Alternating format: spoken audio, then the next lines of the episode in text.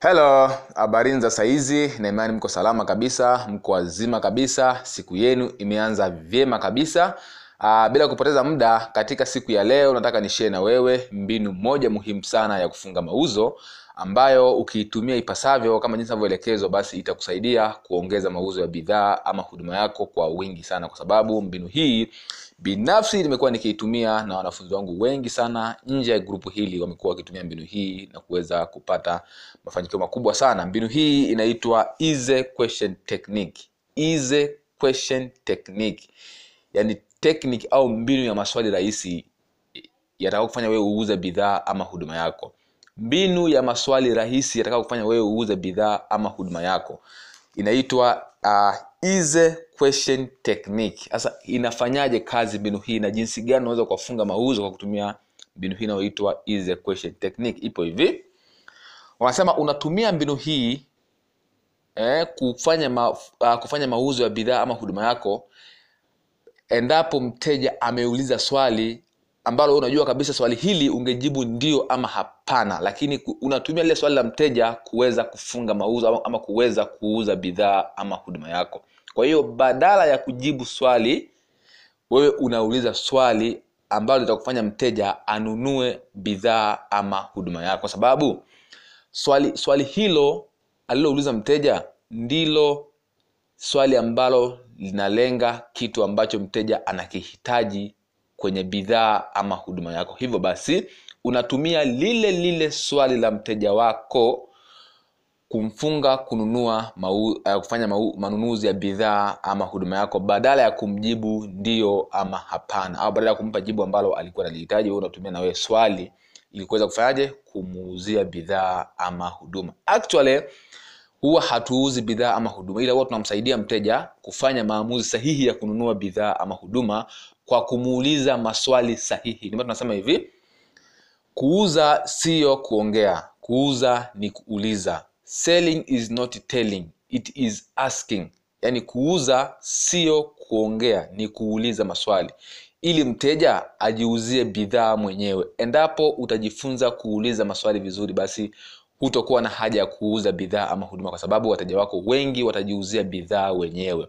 Kwa sababu gani? Kwa sababu wateja huwa hawapendi kuuziwa bidhaa ila wanapenda kusaidiwa au wanapenda kununua bidhaa kwa hiari zao. Kwa hiyo ukiuliza maswali yatamfanya mteja afanye maamuzi yeye mwenyewe ya kununua bidhaa ama huduma na ndicho kitu mteja anachokitaka. Kwa hiyo basi mbinu hii ya easy question technique ita, inatekeleza hilo kwa ufasaha mkubwa sana. Badala ya wewe kujibu ndio ama hapana kwa sababu ukijibu ndio ama hapana unaweza ukakosa mauzo lakini ukitumia mbinu hii ya easy question technique unaweza ikakusaidia wewe kumfanya mteja akaf, akafanya commitment ya kununua bidhaa ama huduma yako hapo hapo. Kwa sababu mbinu hii inamfanya aseme nia yake hasa ni nini kwenye hicho kitu ambacho amekiuliza. Iko hivi.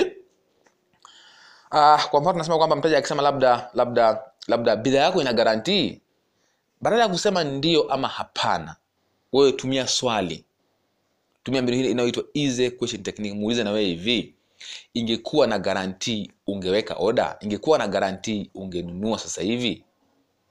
You see? Usiseme ndio ama hapana ila muulize na wewe swali.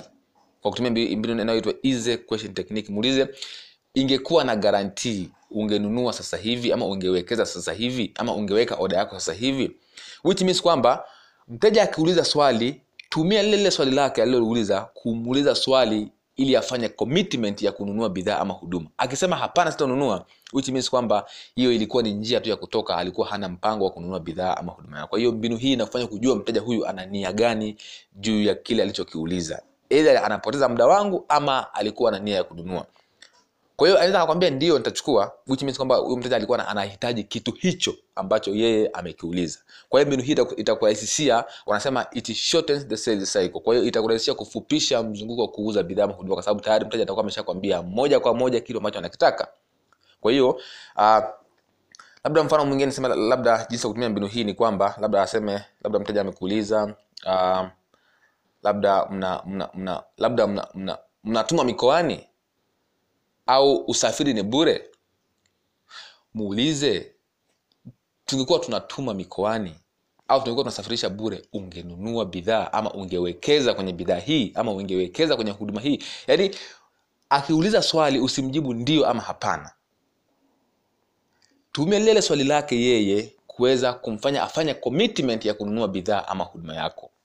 Yaani tunasema tumia swali la mteja kufanya mauzo maana inaitwa easy question technique. Mbinu ya maswali rahisi ya kuuza bidhaa ama mbinu ya maswali rahisi ya kufunga mauzo.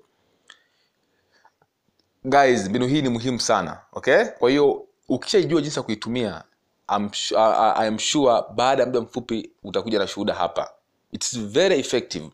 Kwa hiyo baadaye ya kumjibu mteja jinsi alivyo- alivyo- alivyotaka swali lake na wewe tumia lile swali kumfanya, kumfanya yeye afanye commitment ya kununua bidhaa ama huduma. Mbinu hii ni very effective okay? Kwa hiyo mteja akiuliza swali labda labda labda akasema kwamba uh, mnapunguza bidhaa mnapunguza bei muulize usiseme ndio ama hapana ila mwambie tukipunguza utawekeza kwenye bidhaa hii ama tukipunguza utaweka oda ama tukipunguza utanunua bidhaa hii. Tumia neno kuwekeza kwa sababu kuwekeza mtu watu hawapendi kununua ile wanapenda kuwekeza. Akiamini kwamba akiwekeza atapata kitu in return. Ndio maana tunasema kwamba uh, ukitumia neno kuwekeza na, nguvu kuliko, kuliko ku- ku- kununua watu hawapendi kwa sababu kununua ni gharama. Ila kuwekeza which means akishanunua hicho kitu atapata kitu kingine ambacho alikuwa nakitaka ndio maana nasema tumia neno kuwekeza zaidi. Kwa hiyo muulize tukipunguza bei au nikipunguza bei utaweka oda sasa hivi ama utanunua bidhaa? Akikwambia ndio which means kwamba uh, kuna uwezekano wa kuiuza hiyo bidhaa na lazima atakwambia hicho lazima atakubali kwa sababu hicho kitu ambacho amekuuliza ndicho anachokitaka. Which means ukikubaliana na yeye kwa kumuuliza swali pia yeye yani wanasema reflect the question. Yani wanasema uh, wanasema una reflect swali. Badala ya kumjibu kujibu swali jibu, uh, kujibu swali lake na yeye una reflect unamrudishia mpira kwake. Yeye ndio atafanya maamuzi. Na yeye ndio atajiuzia bidhaa mwenyewe bila wewe kuuza. Kwa sababu tayari atajibu ndio ama hapana. Na most of them wanajibu ndio kwa sababu swali alilokuuliza ndio kitu ambacho nakitaka kwa hiyo tumia mbinu hii itakusaidia sana sana kufanya mauzo ya bidhaa ama huduma. Mbinu hii inashabiana kidogo na mbinu ina- ina- inayoitwa tie down close lakini kidogo kuna utofauti kwenye kuuliza maswali. Tie down close iko tofauti na hii.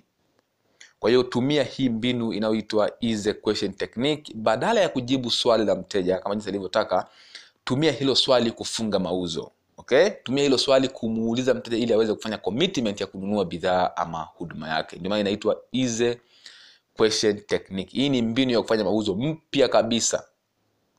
Kwa hiyo uh, na kama kawaida yangu kabla sijaileta mbinu kwenu huwa naifanyia test, testing. Na kama sio mimi basi kuna baadhi ya wanafunzi wangu au tunaita private clients wanafunzi private huwa wana, wana wana wana, wana, wana, wana consultation kutoka kwangu. Kwa hiyo mbinu hizi nyingi zingine huwa zinatumika kule na huku kwa hiyo kabla sijaitumia mbinu kabla sijaileta sija- mbinu hapa kwenu au kule kwenye private clients lazima kwanza iwe tested kwa baadhi ya watu. Okay?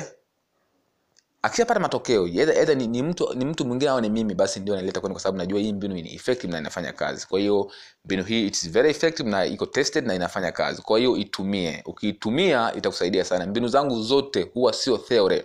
Yani huwa sio nadharia ni vitu vinavyofanya kazi. Ukiitumia vitakusaidia wewe kuweza kuongeza mauzo ya bidhaa ama huduma. Kama kuna swali basi eh, unaruhusiwa kuuliza ili uweze kupata ufafanuzi zaidi uweze kuielewa zaidi mbinu hii inayoitwa question technique. Ama kama kuna swali lingine kipengele kingine ambacho ukielewa vizuri basi ni muda wako wa kuuliza maswali ili niweze uh, kukupa ufafanuzi mzuri na kuweza kusaidia kufanya uh, uh, vizuri kwenye hii mbinu. Kwa hiyo karibu sana